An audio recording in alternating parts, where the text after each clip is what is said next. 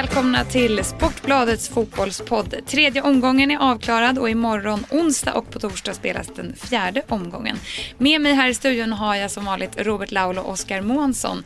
Och jag tänkte att vi skulle återuppta frågan vad som har gjort er extra lyckliga sen vi såg sist. Så vi börjar med Oskar. Um, jag har ju blivit uh, väldigt lycklig av att uh, åka iväg på semester lite. Jag var i New York här en vecka. Och det betyder att jag slapp en massa elände här på hemmaplan som jag annars skulle ta tag i. Folk som kastar päron och huliganinfiltration och allt vad det är. Så det där gjorde mig lite glad. Så du har ingen koll på vad vi ska prata om idag?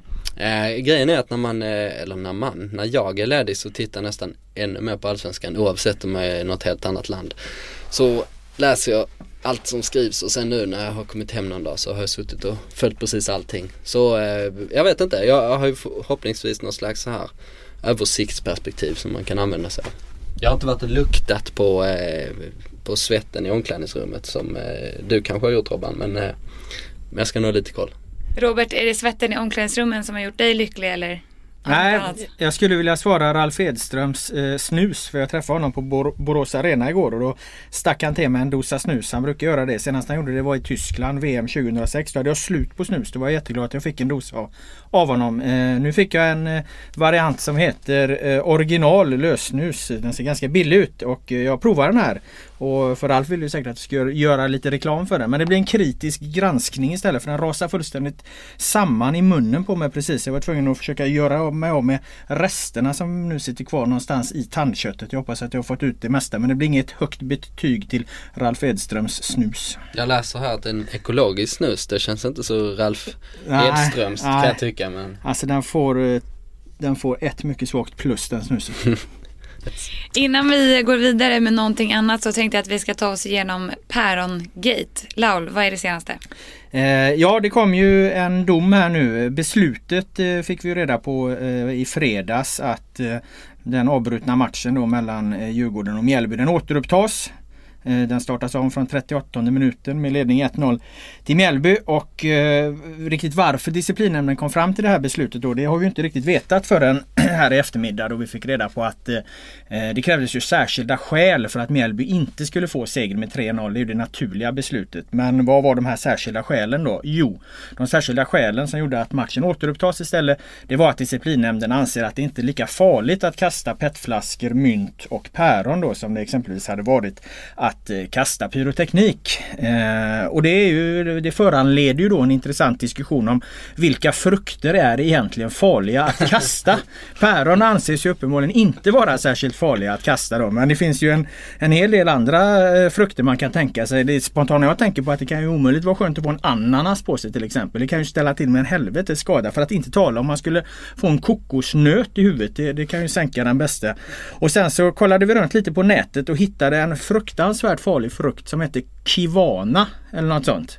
Och, och den, den, den sägs alltså ha ett stenhårt skal. Dessutom med, med vassa taggar. En sån jävla frukt kan ju ta livet av folk. Så att jag skulle säga att den här kivanan, ananas, kokosnöten. Då tror jag Mjällby hade fått segern med 3-0. Päronet, ja då blev det att matchen återupptogs istället. Men det här är ju en, det här är en dröm. En Woodstock-festival för rättshaverister att sitta och spekulera i vilka frukter som eventuellt kan avbryta en match och vilka som inte kan. Men jag vet eh, en ännu farligare frukt som du glömde bort. Här. Eh, hästen eller? Granatäpple. Han var för dålig. Va? Det kan man, eh, man kan inte bli sågad av en, av en göteborgare. Till och med göteborgare tyckte den var dålig alltså. Jag trodde du skulle säga häst men är det en frukt? Ja, är det inte det de diskuterar huruvida häst är en frukt eller? Ja, det finns en sån eh, diskussion på, en, en ganska intrikat diskussion på nätet. Där ska vi nog inte ge oss in i för där, där, där, går tongångarna väldigt höga vet jag. Vi ska hålla oss ifrån det kanske. Vi lämnar eh, fruktfesten eh, och kollar igenom vad som faktiskt har hänt de senaste dagarna. Eh, Elfsborg-Göteborg eh, som ju på förhand var den mest spännande matchen. Den slutade 0-0. Fortfarande ingen vinst då för regerande mästarna. Vad är det som inte stämmer i Borås säger ni? Alltså ja, det, det är ändå skulle jag vilja säga rätt mycket som stämmer med Elfsborg. Eh, det blev en diskussion efter den här matchen Finns det en oro i Elfsborg över att de inte har, har vunnit en enda match av tre? Eller gör det det inte? Eh, några av spelarna uttryckte eh, sig att äh, det, här, det här är vi ganska oroliga för. Jörgen Lennartsson slog bort det här och, och menar på att våra prestationer har varit bra. Och för den gången skull måste jag faktiskt ställa mig på Jörgen Lennartssons sida. Jag, jag tycker inte att Elfsborg behöver vara särskilt oroliga. Alltså, de har ett, ett jäkligt bra grundspel. De har haft marginalerna mot sig en hel del. Eh, de kunde mycket väl ha vunnit mot AIK. De kunde ha vunnit eh, framförallt mot Halmstad. Men där får de en utvisning. För en gångs skull köper jag de här bortförklaringarna. Sen var det en jämn match igår och det är inte lätt att göra mål på IFK Göteborg. Det, det har väl folk lärt sig vid det här laget. Men nej, jag tror inte att det är så farligt det här att Elfsborg inte har vunnit än. Eh, håller med faktiskt. Jag tycker inte det är någon eh, större fara i eh, Elfsborg. De har ändå gjort, alltså spelmässigt har det sett okej okay ut liksom. Eh, så här taktiskt och eh, ganska många spelare har ändå liksom redan visat vilken kvalitet de håller. Mohamed Bangura visar nu senast eh, nu mot Göteborg att, eh, att han är på gång in och då har de liksom en jätteresurs som är att matchvinna-typen som de inte har kunnat använda hittills. Dessutom om man då ser Elfsborg, liksom om det, om det handlar om att vinna guld eller inte så gynnas man ju alltid i Allsvenskan av att, att den är så pass jämn. Alltså man har, man har alltid råd att förlora på något märkligt sätt. Man har råd att tappa en hel del poäng eh, eh i början av en serie. Man förlorar liksom aldrig chansen att vinna guldet. Eh, genom att kryssa så här på tre matcher. Vilket man kanske hade gjort i en annan liga som varit mer spetsig idag om, om det då handlat om 30 matcher. Mm. Så eh, jag eh, har svårt att dra några sådana större slutsatser eh, vad det gäller Elfsborg än så länge faktiskt. Det ser bara liksom eh, Ja det är godkänt. Eh, det är ju absolut inte mer än så men, eh, men man ska nog inte vara alltför orolig tror jag. Nej men det man, du frågar lite eh, där Amanda vad, vad, vad det är som saknas eller vad det är som inte fungerar. Det man kan, det man kan titta på om man vill ha en konkret detalj det är att eh, de, de, de är ett betydligt vassare lag när de har Niklas Hult eh, på planen. Där ser man en skillnad. Nu kommer de upp i sina anfall eh, och där händer det inte så mycket. De får gå på distansskott när de möter sina samlade eh, backlinjer. Eh, de har inte riktigt kommit igenom där. I, när de har Hult på planen som de hade förra året för det mesta. Då får de en, en, helt annan dimension i spelet för att då kan de vända upp lite och sen kan de komma, komma igen. Liksom. Då kommer de löpande in från alla håll och kanter. Va? Eh, det, det lyckas de inte riktigt med när de inte har Hult på planen. De kommer växa när de får tillbaka honom och mot sämre försvar än IFK Göteborg så kommer det räcka även utan honom för då kommer Mohamed Bangura eh, göra mål. Eh, Bangura som Oskar var inne på var ju faktiskt fantastiskt bra i vissa moment mot Göteborg. Alltså hans targetspel och, och, och hans förmåga att kunna vända, ta in bollen, fördela den vidare. De kommer ha en oerhörd nytta av honom. Jag, man ska inte räkna bort Elfsborg alls även om det inte har blivit någon seger. Elfsborg påminner ganska mycket om eh, några andra lag också där. Just med att de behöver Niklas Hult. Att de är ett ganska eh, förutsägbart lag i offensiven. Att det är deras nackdel då att de är, de är om fördelen är att de är ett eh, stabilt, eh, gediget lag så, men så saknar de den här lilla eh, irrationella kraften då. Och de påminner ganska mycket om flera andra lag i Allsvenskan. Om man tar Göteborg till exempel som blir så pass bra när, när Sam Larsson lyckas med något extraordinärt. Eh, Norrköping som har ett stabilt lag som eh, hoppas få in det här genom Rabes Lavan då, att han ska tillföra de här sakerna. Nu har han visserligen varit skadad eh, så han har inte kunnat bidra med någonting. AIK likaså eh, ställer mycket hopp till eh, Nabil Bahoui i första hand den här säsongen. Tidigare har det varit Martin Mutumba som ska stå för den grejen. Och i alla de här fallen då har det varit, eh, handlat om yttermittfältare, oftast eh, vänstermittfältaren av, av eh, någon anledning. Eh, ganska tydligt eh, hos många lag som är den här typen av stabila eh, byggen då som inte eh, likt eh, till exempel Malmö FF eh, baserar liksom på, eller Häcken för den delen som har liksom eh, flera offensiva eh, flera offensiva alternativ liksom och, och eh, bygger upp spelet på ett helt annat sätt, förlitar sig på helt andra saker. Eh, Robert, du var på plats eh, på Elfsborg Göteborg. kommer du minnas det för resten av ditt liv? Eh, nej, det har jag faktiskt ah. svårt att tro. Det, det, även om det var en bra match och det var en, en fantastisk, återigen en, en fantastisk inramning på, på Borås Arena. Det var det även när, när AIK var där. Eh, förutom ett eh, gäng män i rånarluvor då så var det en jävla intensitet och ett jävla tryck. Och det var det igår igen. Igår var det i princip bara de positiva delarna av, av läktarkulturen när den är som allra bäst. Så det var en jävligt häftig match på det sättet. Det var intensivt och välspelat. Det var bara målen som saknades. Men nej, eh, ge mig ett par säsonger så har jag nog glömt bort även den. En som kommer minnas den för resten av sitt liv verkar vara Mattias Balkander på GP. Han skrev en krönika. Jag ska läsa ur ingressen här. Månlandningen, Ingmar Johanssons VM-titel, Tjernobyl, mordet på Olof Palme och 0-0 mellan Elfsborg och IFK Göteborg på Borås Arena i april 2013. Ja, Frågor på det? Det finns väl inga konstigheter alls att, att tala om där. Nej, den där artikeln har väl blivit en eh, dagens snackis i medieankdammen i alla fall. Det är ju en eh, journalist på GP då.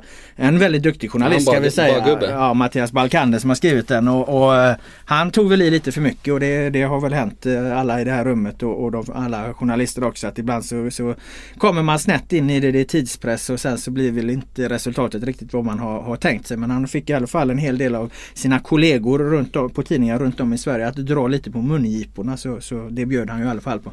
Jag tänker på min eh, syster där när hon, eh, hon är inte särskilt intresserad av eh, sportjournalistik men hon bläddrar väl lite ibland eh, någon gång när jag har skrivit någonting kanske.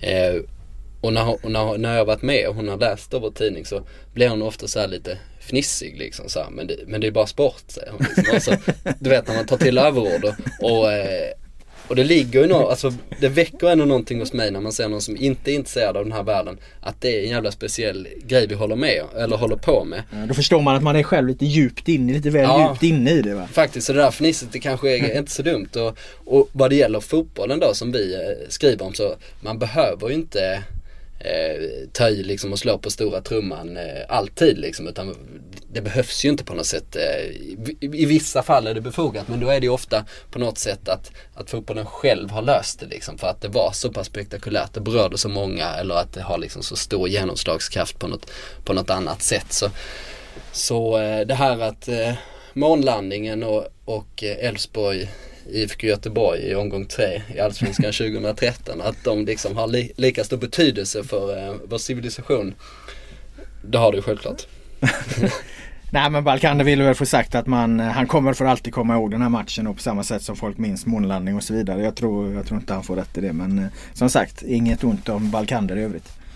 Eh, om vi kollar lite på matchen då. Mika Stare han pratar inför säsongen väldigt mycket om att hitta balansen i Göteborg. Tycker ni att han har gjort det nu? Ja det har han ju sannerligen gjort. Alltså, det är ju det de verkligen har gjort. De har ju satt sitt eh, skokartongsblock. Man brukar tala om att eh, vissa lag som är dåliga de ställer, ut, ställer bara ut skorna på, på planen och så går det åt helvete. I, i Micke Stades fall så ställer de ut skokartongen på planen och lyckas väldigt bra med det. De står i raka led.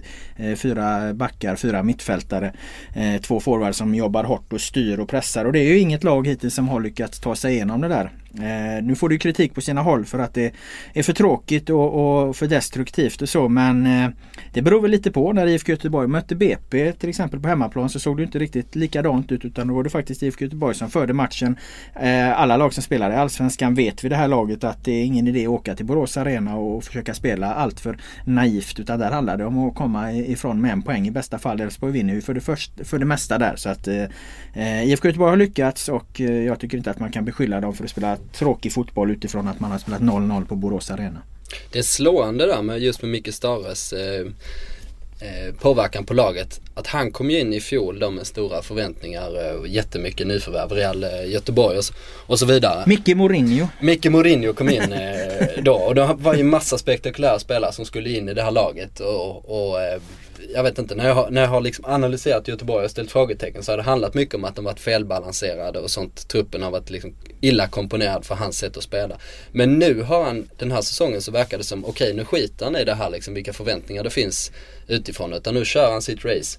Och eh, när AIK vann eh, SM nu, eller vann Allsvenskan 2009 så hade de ett sånt här mantra, Sveriges aggressivaste lag. Eh, som byggde väldigt mycket på ett rakt 4-4-2, högt pressspel, att de skulle vara jobbiga att möta. Och det är precis det spelet som man har i Göteborg nu. Spelartyperna är otroligt lika också med, med två defensiva mittfältare här, Jakob Johansson, Filip Haglund. På mitten då, eh, 2009 var det Dooley Johnson och Jorge Ortiz, om ni minns honom, duktig eh, argentinare till höger spelar Kenny Pavey, nu spelar Emmy Samuelsson där som är liksom, ja en snarlik spelare. Mm, liksom en, eh, en eh, defensivt eh, skicklig spelare som tar hand om sin kant åt båda hållen. Och så lite mer då irrationellt moment på vänstersidan. Så det finns rätt många paralleller där liksom. Och, och nu har de, jag vet inte om de har hittat den här mentala grejen också kanske. Att det är vi mot dem och sånt. De har Nej, men jag tror, uppenbarligen- man, man, man såg det på, i, på Borås Arena igår mot Elfsborg. Det tycker jag inte man har gjort i IFKs tidigare matcher. Jag har ju sett dem. Alltså. Men i den här matchen då kliver de alltså in med en, med en kraft stenhårt i närkamperna direkt. Man ser att fan här är ett lag som nu har fått självförtroende. I de andra matcherna så letade de fortfarande lite grann men det satt ändå. Det är lite Nu Sver- vet- Sveriges jobbigaste lag. Ja, Sveriges nu- jobbigaste lag Ja, nu, nu vet de att det där fungerar och nu gör de det med ett rejält jävla självförtroende. Va? Eh, Det, det är därför de gör den fina prestationen igår skulle jag säga. Ja, och det betyder ju, eller det betyder att en sån som Nordin Gerzic, en sån som Pontus Farnerud, de kommer ju få svårt att ta platser i laget liksom. Kommer Ja, svårt, Fan- svårt, Farnerud- svårt att plats, Ja. Farnerud tror jag väl i och för sig om han blir frisk eh, kliver in där. eh, Det tror jag nog. Men Gerzic är ju tillbaka och han får ju nöja sig med att sitta på bänken. Mm. Eh, Men Jonas Tern, han såg i IFK kalla insatsen mot Elfsborg för brottarfotboll. Vad säger ni det? Att eh, det blir ju alltid den här diskussionen. Det här är ju någon form av andra serv redan då har vi spelat eh, tre omgångar av Allsvenskan och Alejandro Bedoya har ju redan varit ute och dömt ut Göteborgs eh, spel som, som för tråkigt och för destruktiv. Nu kommer andra serven här i form av Jonas Tern då som väl egentligen mer riktar sig till de så kallade experterna som han uttryckte då att IFK Göteborg hyllas för det här spelet. Han, han ser väl liksom något sånt här utvecklingsperspektiv i det. Han det, kanske har det- läst Balkanders krönika kan man tänka Ja, det är sig. möjligt. Nej men att, att det inte är bra att, ett, att eh, liksom det laget som leder, leder allsvenskan att de står för en destruktiv fotboll och så. Men jag köper inte riktigt det där. För det första handlar ju fotboll fortfarande då om att vinna och ta sina poäng. För det andra så är varje gång det kommer fram ett lag som spelar den här typen av fotboll. Gävle har gjort det i många år och nu gör IFK Göteborg det. Det finns andra exempel tidigare. Eh, Halmstad. Ja, Hal- minst Halmstad år. definitivt. Alltså det utmanar ju alla andra lag som vill vara spelarna att, att försöka luckra upp där, att hitta botemedel mot det, att klara av den här typen av, av försvarsinriktade lag. Så att jag menar, det sätter ju högre press på, på spelutveckling i andra lag. Så att jag, jag, ser, jag har aldrig någonsin sett det som någon, någon liksom fara. Det skulle vara om alla lag spelade extremt exakt likadant defensivt och så vidare. Men det skulle å andra sidan vara en fara för fotbollen om alla lag försökte bölja på precis som Häcken också. Det skulle inte heller leda någon utveckling någonstans. Så att det varit kul fotboll att titta på. mixen och kombinationen av få anfallsinriktade lag, försvarsinriktade lag. Alltså det, det är den man eftersträvar. Ibland är det i fjol var det Häckens fotboll, liksom den offensiva fotbollen som firade triumfer. Just nu är det den defensiva. Kommer säkert hinna ändra sig. Ja, jag är helt enig i det resonemanget där. Eh, och om man då tar Jonas Tern är en stor del av den andra utvecklingen då med hans akademi i Värnamo där de har liksom fått fram hur många eh, talanger som helst då som spelar på ett visst sätt som liksom trivs med eh, passningsspel och, och den typen av eh, eh, medspelare och taktik och så vidare. Till exempel Simon Tern bytte Helsingborg mot Malmö bara för att han inte gillade sättet Helsingborg spelar på. Eh, men det har ju också funnits en, kanske en fara då om man tar på eh, svenska, svensk fotboll i ett lite, lite större sammanhang. Om vi ska bli så bra som möjligt så är det kanske inte att bara för att Spanien är bäst i världen har varit så så måste vi inte spela exakt likadant som dem. Utan Spanien har ju blivit bäst i världen genom att göra, utveckla det som de är allra bäst på. Det betyder inte att deras ideologi har vunnit på något sätt. Eh, så- därför måste ju inte svensk fotboll gå dit för, för det är ju trots allt ganska många lag som spelar offensiv fotboll. Eh, Jag hoppas ju att Erik Hamrén hörde det du sa där Månsson för det lät klokt. Ja, vi, eh, vi skickar en hälsning till honom i alla fall. Brottarfotboll och eh, cykelrygg. Det är många konstiga ord i luften. Eh, så här säger John Alvbåge efter matchen mot Elfsborg. Det kändes bra många matcher förra året med, även under våren och så. Men då slank ju någon boll in och vi torskade liksom. Och så successivt så fick man ju mer och mer eh, cykelrygg liksom och blev lite negativ. Nu är det ju snarare tvärtom, att vi allihopa är upp med bröstet liksom. Så. Cykelrygg? Ja, eller så här. Ja. Nu, ah, okej, okej. Var jänkestyre så Ja. Nej, men nu så, nu så är det mer upp med bröstet. va. Cykelrygg, det var väl ett bra uttryck? Ja, jag hade aldrig hört det men eh, efter att eh, folk runt omkring där, vi var ju ett gäng journalister som stod och pratade med John efter matchen så var det en av dem som illustrerade genom att liksom böja sig fram som man liksom sitter böjd över ett cykelstyre såvida man då inte har en mer Harley Davidson liknande cykel som jag hade tidigare där man har ett brett styre där man kan sitta med upprätt rygg ända till någon jävel snodde min, mitt styre utanför mitt hus här eh, i höstas. Så nu har jag Jaså? en eh, cykel utan styre. De tog även sadeln. Det kanske spelar mindre roll. För det är svårt att cykla utan styre. I alla fall, det är väl en bra liknelse. Jag hade aldrig hört den tidigare. Du menar att en, en journalist pedagogiskt skulle visa för er andra vad ett cykelstyre var? Ja, typ. Fint. ja, ska vi lämna den matchen? Ja men vi kan ju säga det betyder ju alltså att man är eh, knäckt mentalt och, Jo, men med det, böjdrygg och ja men det förstår väl folk. Jag hade inte hört det här. Jag, jag fattar direkt. Dä- Däremot reagerar jag lite på hur, hur lite som krävs för att eh, roa oss reportrar liksom. Hur utsvälta vi är på humor liksom. Ja. Alltså det var väl lite lustigt sagt av honom men hela det här presskortet man hör alla börjar fnissa direkt liksom. Så. Jo men man får, man Men, får men. greppa det lilla vet du. Ja, ja. Vi går vidare eh, till eh, AIK-krisen, eller vad säger ni? Är det en kris? Eh, 1-0 mot eh, Åtvidaberg nu senast. Ja, om man, eh, om man tittar på vad som har hänt eh, de, de sista veckorna, den här säsongstarten. Då. Bortsett från eh, den otroliga publiksiffran eh, mot Syrianska och eh, även uppslutningen som kommer det vara nu i matchen mot Malmö så är, det ju självklart att, eh, att det redan är lite eh, krisläge. Och jag vet att vi i den här branschen är väldigt eh, sugna på att spika fast eh, epitetet måste-match på allt möjligt. Eh, men i det här fallet så blir det ju en måste-match mot eh, Malmö nu som på något sätt kommer eh, definiera hela, åtminstone vårsäsongen för AIKs del. Eh, om de förlorar den. Jag sa i och för sig att man sällan förlorar eh, ett guld så här tidigt men om de då skulle inleda med en eller med två poäng på eh, de fyra första matcherna så ser det ju riktigt ruttet ut och då i kombination med det här pinsamma eh, pinsamma Svenska cupen-spelet så är det ju en, eh, ja det är jobbigt för AIK med alla de ambitionerna de har haft den här eh, säsongen då. Jag tycker man kan försöka definiera det där med kris och så vidare. Kris skulle jag säga är när lag eh, företrädesvis då storklubbar eh, hamnar i ett läge då de, då de liksom blir indragna i bottenstriden och så vidare. Där tycker jag man kan skilja lite på AIK och till exempel Djurgården. Djurgårdens inledning och, och Djurgårdens spel och, och Djurgårdens liksom den närmaste bakgrunden. Den gör att det nästan är så att där kan man verkligen kanske bara tala om en kris om de exempelvis skulle förlora en match till. För att då är det, då är de, då är det realistiskt att de faktiskt åker ner och får, får, får kämpa i botten den här säsongen. Va? Och, och det skulle vara en, en jättemissräkning om Djurgården åker ur Allsvenskan. AIKs läge är ju inte riktigt så. Alltså det, det, det handlar om för AIK är ju att de eventuellt nu då tappar liksom möjligheten att haka på guldtåget men det skulle förvåna mig oerhört mycket om de hamnar i ett läge att de måste slåss för, för sitt allsvenska kontrakt för att jag menar deras trupp är ju ändå eh, jävligt bra liksom så det läget ska de ju aldrig hamna i. Däremot ett par förluster till så kanske de hamnar i en situation då då, då, då kommer de helt enkelt, det blir som för IFK Göteborg förra året, att de kommer för långt efter direkt så att eh, ja, det, det blir ingen toppstrid för dem. Sen att, så eh, då, ju- då, så att jag, jag skulle inte säga att det är kris så, men däremot Djurgården kan man ju säga nästan befinner sig i ett läge att en förlust mot BP, då har de Elfsborg borta i nästa match. Då, då, då är vi där. Ja, ehm, eh, håller med eh, ganska mycket. Men AIK har ju också eh, betydligt eh, större förväntningar på sig den här säsongen. AIK är ju ett, eh, ett av, ett av guldlagen då på förhand som ska vara med där uppe. Eh, Djurgården är ju inte någon som har, inte ens de själva, som har liksom förväntat sig mer än en, en mittenplacering.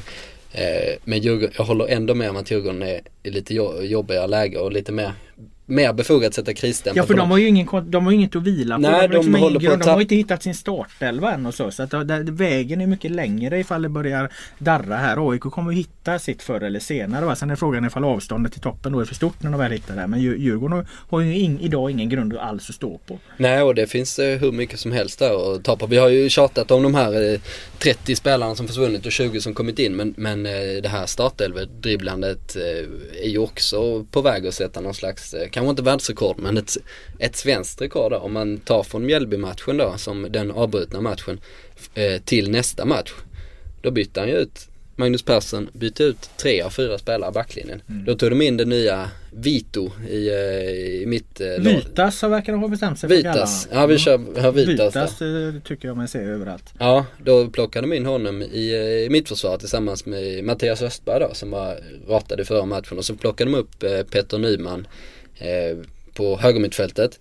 Vilket fick den allra mest märkliga uttagningen att Mark Pedersen som är en eh, stenhård mittback och absolut ingenting mer plötsligt ska spela högerback. Men det motiverar de med att han hade varit bra där i cupen cupen i- mot Norrköping där att man varit nöjd med den backlinjekonstellationen. Sen hade Östberg och Pedersen inte kunnat spela i Mjällby-matchen för de var halvskadade eller fan det var. Det var i alla fall så han förklarade det Persson då. Att då kom de tillbaka liksom och det var den, den här backlinjen han ville ha. igen. Ja, jo. Men det är ju du har rätt i att det jävla Men, men det är lite Magnus Persson, det låter ju alltid väldigt klart liksom. Jag har varit inne på det, man, eh, som Jens Fjällström sa på den allsvenska upptaktsträffen, man tror alltid på, på det när du pratar om någonting. Eh, och han säger ju en sak liksom, men sen eh, händer det alltid, man tar förra säsongen var otroligt dribblande med, med elvor och, och det här att spelare går från eh, läktaren rakt in i startelvan. Jag tror inte ett dugg på det i längden och att eh, sätta då Mark Pedersen för han skulle plocka bort René Makondela vilket var tanken. Det är ju lite det här som vi också pratat om när Rickard Norling var i AIK senast att han ville coachvinna matcherna så man konstlar till det. Eh, Fotboll manager filosofi. Ja lite grann och som plocka in då en brasiliansk spelare och en litauisk spelare precis på slutet innan fönstret stänger efter man blivit av med sin bästa försvarare strax innan. Det känns ju inte särskilt förtroendegivande. Hur säkert sitter han då, Magnus Persson?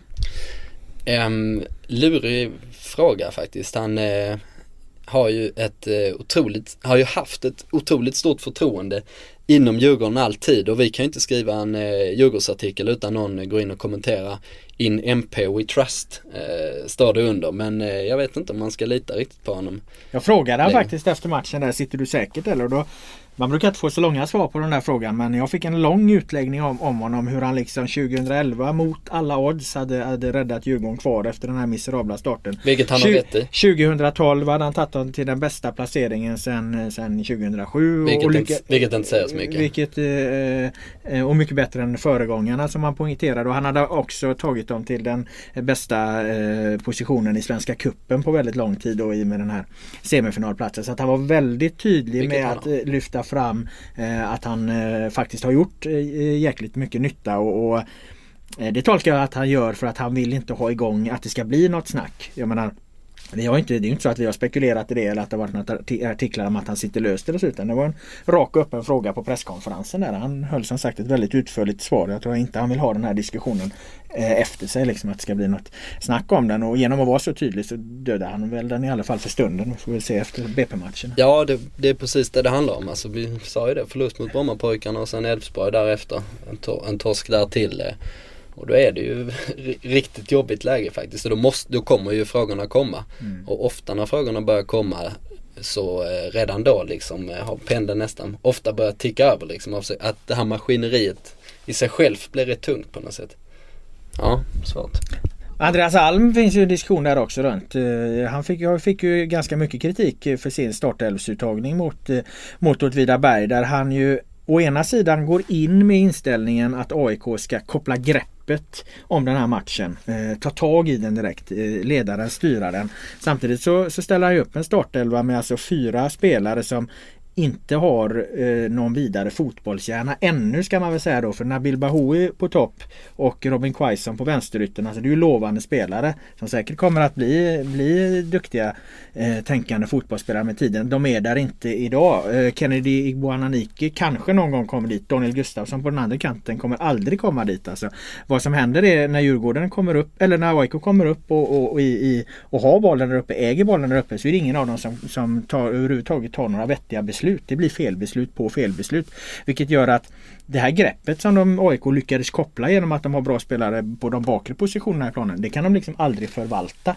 Eh, jag förstod inte riktigt den startelvan. Jag hade även om nu Celso Borges inte var särskilt bra mot Syrianska så hade jag ändå haft kvar honom Eh, högre upp i planen just för att få lite fotbollsintelligens längst fram nu när Henok Goitom då uppenbarligen inte klarar att spela en hel match. För man såg ju det blir bättre direkt Henok kom in eftersom han kan ju, han kan ju tänka på ett annat sätt. Va? Han kan ta bättre beslut. Men jag tyckte att det var en konstig startelva sett till hur, hur Alm eh, hade tänkt sig att genomföra den här matchen. Jag förstod faktiskt inte det. Han har ju en svår uppgift Alm också får man säga att ta ut sina startelvor för att eh, den här truppen då som, eh, som är förmodligen, eller som med all säkerhet är allsvenskans bredaste. Som hade kunnat ta två elvor som kunde spela i allsvenskan i princip. Om man inte har något Europaspel utan bara ska, och inte Svenska cupen heller för den delen, utan bara har en, en eh, allsvenska att tänka på så är det väldigt många jobbiga beslut man måste ta hela tiden. Det är inte bara att de har fyra mittbackar som har varit eh, och nosat på A-landslaget under senare år utan det ser ju likadant ut på inom mittfältet och lite oklart då med eh, forwardsalternativet där det endast verkar vara Kennedy Bonanike som är en djupledsspelare och sånt. Så det finns ganska många svåra grejer i själva laguttagningen. Och för att lyckas med det så krävs det väldigt mycket av en tränare för att eh, reda ut en sån situation. Men hur mycket mer måste det liksom knaka då för att Alm ska på riktigt sitta eh, osäkert? Alltså i AIK kan ju sådana där saker eh, gå ganska fort. Va? Det har, har vi sett eh, exempel på många gånger i, i historien. Jag tycker att Andreas Alm i grund och botten är en, en duktig tränare. Men det är lite som Oskar Månsson inne på som jag alltså var mitt anslag för AIK inför den här säsongen. Den här säsongen ställs det extremt höga krav på honom. Just därför att AIK har den situationen. De har inget Europaspel, de har ingen Svenska cupen, de har bara Allsvenskan med den här jättebreda truppen. Då. Eh, och börjar det bära emot och, och, och, du får liksom ett, ett, eh, intern disharmoni liksom att, att spelare inte är nöjda och så vidare. Då, då kan det bli en ganska jobbig situation och kommer då inte resultaten då kommer även liksom trycket utifrån liksom från supportrar och så vidare som med all rätta har en, en jävla förhoppning på det här laget för det är ju ett jävla bra lag de har AIK. Eh, så att eh, idag, nej vi skriver inga artiklar idag om att eh, Andreas Alm sitter löst eller att Andreas Alm borde ha sparken men han har, han har en, en tuff utmaning om uttrycket så framför sig. Svenny sa det en gång att det, hans viktigaste uppgift var eh, de spelarna som var utanför laget och ja, hålla dem nöjda. Det ligger mycket i det. Och desto fler man har där så desto jobbigare får man. När, när Trelleborg åkte ur eh, Allsvenskan nu för ett tag sedan, så om det var Christian Heinz möjligtvis som pratade om det efteråt. Han liknade med en kanot. Han sa att om man är många kanoten så eh, eller det spelar inte roll hur många, hur, vänta nu här. Det här med liknelser alltså. Fan, jag måste... Nu får du ro den här kanoten i land. Ska vi se, okej. Okay. Um, jo han sa det spelar ingen roll hur, hur många man är i en kanot om det sitter några längst bak och ror åt andra hållet. Eh, och då liknar, och då var det väl helt enkelt att det fanns ett gäng då som han inte eh, tyckte liksom bidrog till det här. Men menar du att det är Christian Heinz som har hittat på den här briljanta liknelsen eller eh, har han hittat den i någon dammig bok eller vad? Jag vet inte, vi får ringa Christian Heinz. den var ju åtminstone en jävla krånglig liknelse. Det, vi kör den här. Den var ju glasklar, du det, fick ju fram den. Det spelar ingen roll hur fort du springer om du springer åt fel håll. Ja, det, det är på det, samma tema. Det var på, på rätt nivå. Men, eh, men eh, där i ligger ju, ja det är ju ganska enkelt. Men om man tar till exempel Robert Öhman Persson gick ut nu och sa att han vill lämna klubben. Duktig spelare, han får knappt med i truppen liksom. Lalavela Atakoda, en duktig spelare som inte är i närheten av att vara elvan. Det är klart som fan att de blir eh, trötta på det och springer inte och tränar inte ens får lukta på att spela fotboll. Men har man sett några tecken på att liksom spelarna varit skakade efter den här granskningen förra veckan? Jag tittade lite efter det. Jag såg ju matchen mot Åtvidaberg då och jag tyckte att, jag vet inte, det är svårt att veta men amatörpsykologiskt så när jag bara försöker minnas hur man själv fungerar som spelare och så här så Alltså du ser ju ofta i, i på spelare hur de mår, hur de presterar liksom i början och i slutet av matcher för det är då man liksom kommer från eh, eh, eh det normala tankelivet så att säga. Går man in och gör en dålig inledning då kan man sägas kanske varit påverkad. Om man inte liksom orkar uppbåda den mentala kraften för att orka mot slutet, ja då kanske man också påverkad av vad som har hänt utifrån. Det tycker inte jag var så i AIK. De var bra i båda inledningarna, eller inledningarna av båda halvlekarna. De hade ett jävla tryck eh, mot slutet. De var starka mot slutet. De var nära att kvittera mot slutet. Jag tror inte spelarna i AIK var så himla påverkade av den här turbulensen kring, kring Uppdrag granskningsreportage eh, då och den efterföljande debatten. Eh, de är rätt vana vid att det, det stormas om alla möjliga saker i, i AIK. Så att eh, jag, jag, jag tyckte inte man kunde se, se det på spelarna i alla fall. Nej, jag tror eh, också det är ganska lugnt. Det brukar vara det i AIK-truppen vad det gäller spelarna. Åtminstone de som varit där ett tag. De, eh, de mest rycker på axlarna åt det mesta liksom. Kan, eh, li, lite tråkig inställning ibland kanske att eh, man inte kan uttala sig om saker och ting. Man bara liksom eh, accepterar alla förutsättningar som de är. Men eh, för, för det sportsliga kanske bara klokt också för då lägger man inte särskilt mycket energi på det. Så. Mm. Om vi kollar på Helsingborg-Mjällby då, där Mjällby ju snodde tre poäng. De sa själva att de hade bara läst på, var det så enkelt? Mjällby överraskar mig otroligt mycket. Jag förutspådde att de skulle komma sist i serien. Eh, inte minst för att eh, deras ekonomi är fullständigt eh, fallfärdig och mink, minkfarmarna gick in och betalade träningslägret eh, och så vidare. Och det var, ingen, det var inte en kul PR-grej utan det var för att de inte har en krona överhuvudtaget. Och de tappat sina, många, de har haft många namnkunniga spelare under de senare åren som de har blivit av med och inte haft den typen av spets. Men eh, nu har de inlett riktigt bra det här eh, mittbacksparet då med den nye nigerianska mittbacken som heter någonting på O som är född 1992 tillsammans med Jasmin Sudic. Eh, Arokoyo. Det var han som Arokoyo, fick, han som fick päronet på sig. Ja just det. Päronkillen har ju, eh, de har ju styrt upp ett riktigt bra mittlas där till exempel då. Och Christian Heinz som får väldigt stort utrymme i den här eh, podd, podden. det hade han fan inte räknat med. eh, har ju, eh, som de plockar då från, från Trelleborg där, liksom en sån spelare som man, man noterar knappt att han går dit liksom. Han har också varit bra. Eh, och sådär och, och eh, nya tränaren där, eh, Torstensson som inte någon visste vem det var heller, bara kör på på samma sätt liksom. Så eh, nej, verkligen överraskad över Mjällby. Den här utvisningen då, om vi ska kolla lite på Helsingborg som eh, Peter Larsson drar på sig. Eh, ska inte han vara en, en äldre och rutinerad spelare som inte ska kunna missta sig så? Jo, det kan man kanske tycka men ja, om du såg VM-finalen 2006 så finns det ju andra som har gått i den fällan på betydligt värre sätt. Jag tänkte på Zidane där om ingen eh, noterade det. Men, eh, så det kan väl hända även rutinerade spelare. Nej men Helsingborg. Har inte du själv eh, haft något sånt hjärnsläpp på planen också? Har du inte berättat jag? om det? Ja. Nej nej jag har fan knappt varit utvisad hela mitt liv. Ah, okay. Jag har inte haft. Eh, jag vet inte vad du har fått för.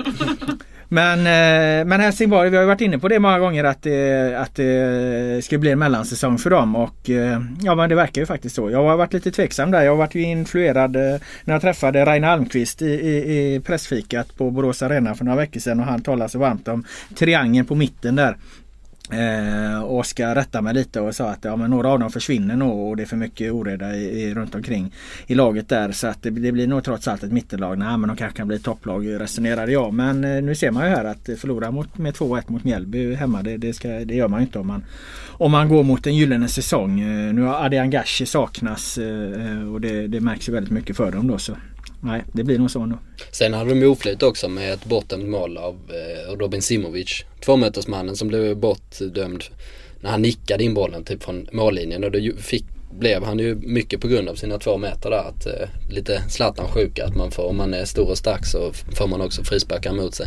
Eh, hade de gjort mål där och det var innan utvisningen och sånt så hade de förmodligen vunnit. Så de hade ju en del oflyt också, det kan man ju lägga de där, till. Den där oflyten och de där domsluten och där, det kommer ju, kommer ju ofta när det inte, de enkla målen trillar in, när det inte fungerar allting. Då blir de här händelserna avgörande och så. Då har du inte råd att, att få de där grejerna emot dig. Så, mm. Men har Roar Hansen och klubben tålamod att köra ett mellanår och bygga upp liksom? Ja, det vore ju konstigt om de skulle kicka Roar nu efter tre omgångar. Så det, de har lite mer tålamod får de nog ha. Nej men det är klart att de har och jag tror att de är väl ganska inställda på det också. Det, alltså klubbar som skaffar ny tränare, det måste man ju ha lite tålamod. Där måste man kunna se att eh, första säsongen kanske går som den gjorde för Micke Stad i IFK Göteborg till exempel i fjol. Och, och, och, och, sen att det i alla fall finns potential att bygga åt, i, i rätt riktning. Och det, det tror jag Helsingborg är väl medvetna om. En Helsingborgsspelare som vi bara måste nämna lite snabbt. Är ju, vi, vi skrattade ju lite när eh, Namnskog eh, eh, tog ifrån tårna och kallade Mattias Lindström för en fantastisk spelare. Ja det var ju så ohyggligt roligt. Det var ju Svenska cupen här och Daniel Landskog står och och har eh, hållit någon, eh, initi- eller vad heter det, någon inlevelsefull utläggning om någonting och sen verkar det som man inte riktigt hör vad David Fjell säger för David Fjell skickar i alla fall över, över liksom vad, vad tycker du om Mattias Lindström och han kommer lite snett in i den. Så han bara, ja det är en fantastisk spelare. En fantastisk spelare liksom för att han, jag, jag tror inte han riktigt vet vad han ska säga och det är nog första gången någon har uttryckt sig så oerhört känslosamt eh, hyllande om Mattias Lindström. Men vad fan, vi får ge Nanskog att han eh, han har ju helt rätt ju. Lindström vräker ju för fan in mål ju. Ja, tre mål. Ja, ja sen eh, snitt, eh, snittet på dem är väl ungefär så en och en halv meter från mållinjen ungefär. ja, men, men fan, eh, det, gäller, också. det gäller vad det Men eh, Nannskog, eh, ja vad ska man säga, han är, han är inte klok liksom. Han är inte klok den jäveln. Men det är därför vi gillar honom. Ja, absolut. absolut. Ja. Eh, om vi kollar lite på, på Malmö och Kalmar då. Oskar, du har ju tippat Malmö eh, som att ta guldet. Vad, vad säger du? Känns det bra hittills? Det borde det göra va? Ja, det gör det absolut. De har ju eh, liksom inte spelat någon bländande fotboll sådär. Men trots eh, en del eh, skavanker då, spelare borta. Johan Dahlin, Pontus Jansson och Ivo Pokalski då till exempel som är centrala spelare. Eh, Ivo Pokalski om han är i form ska sägas för han är ganska långt därifrån. Men trots det då så har de eh, två vinster efter eh, en liten missräkning mot Halmstad, lite passivt spel. Men efter det har de ju tagit två ganska ganska tunga segrar kan man väl säga. Så eh, läget i Malmö är utmärkt skulle jag vilja säga. Ja, Malmö kommer bli bra. De kommer vara med där uppe. Det råder inget tvivel om De tar de här vinsterna nu fastän det är lite knackigt. Det är lite skador. Det går inte på räls men de vinner ändå. De, de, jag såg dem mot, eh, jag såg inte nu Kalmar-matchen men jag såg dem mot eh, Åtvidaberg då i, i omgången innan. Och Ah, det, det, det, det, fungerar inte helt perfekt men vad fan de gjorde tre mål där. Eh, Tuhilo Rantzi var borta men eh, Dardar Eksepi gör ju en, eh, en jättefin insats. Kanske inte så mycket med bollen och så här, men han, han, han rör sig som en forward ska göra. Han underlättar för de andra. Han skapar ytorna genom sina löpningar och eh, jag tror att eh, det kommer falla allt mer på plats ju längre den här säsongen eh, lider. Så det, Malmö kommer bli bra. De hade hysterisk otur också i förra matchen kan man säga. De med Pontus Jansson borta så går Erik Johansson in som är en väldigt stabil eh, spelare som man bara kan slänga in utan, utan några större problem på vilken position som helst egentligen också. Han gick och skadade sig, eh, foten tror jag det var. Då plockade de in eh, debutanten Alexander Blomqvist, 18 år, eh, som spelar 7 minuter rör bollen en gång. Det är när han är uppe på en hörna och får ganska bra läge faktiskt. Får inte till nicken. Och så går han in i närkamp och så vrider han till knät. Eh, och måste bäras ut på baren då liksom. Och med den typen av eh, problem så lyckas de ändå då bara stuva om ganska enkelt. Ja, och det är oerhört starkt. Bekymmersfritt. Eh, men man lider med den här Blomqvist nu. Jag har inte sett vad det sista är men hoppas verkligen inte det är korsband. För i så fall finns det ju en risk att vi har en ny Jasmin Sudic story i Malmö och det är sånt som man eh, som själv som gammal korsbandspelare korsbands, korsbandspelare, ja. korsbandspelare precis vad jag är. Så eh, jag vet inte, jag fäller nästan en tår när jag ser sånt där liksom en ung grabb som liksom får sin, eh, sin dröm uppfylld verkligen då springa in på hemmaplanen för klubben i sitt hjärta och sen så tar det sju minuter och sen så ligger han där och med knät och led. Sen har de ju så mycket kvalitet också. Man såg Malmö mot Åtvidaberg där efter en halvskral första halvlek. Eh, så liksom är det som eh, Jiloan Hamad bara bestämmer sig. Alltså, nu, nu, nu har jag varit eh, röten i tre halvlekar. Nu får det fan vara nog liksom. Och så går han in och så är han helt briljant i, i andra halvlek och drar med sig alla andra som den unge lagkaptenen är. Det är sant. Och bredden också är ju en annan, annan faktor då som talar för dem. Men eh, när eh, de måste stuva om eh, på mitten helt eh, håller, eller de måste flytta ner Marcus Hallst i backlinjen. De sätter in Simon Tern på innermittfältet. Ja men då plockar de in eh, Foppa Forsberg där från, eh, på en ytter, på en vänsterytterposition. De menar det är ju en klasspelare. Han gjorde 6-7 mål i Sundsvall i fjol när de åkte ur liksom från yttermittfältet. Så eh, ja det är ju inte många lag som har den typen av, framförallt inte de här offensiva kreativa poängspelarna. De brukar eh, varje lag ha en eller två men Malmö har ju fler än så. Jag måste bara kolla med dig Oskar. Vi var ju nere och träffade Pontus Jansson förra veckan och apropå det här med Norlings metaforer så sa han det att eh, för en skåning som jag så har jag extra svårt att förstå honom. Hur är det med skåningarna? Förstår ni inte Norling? Vad sa du?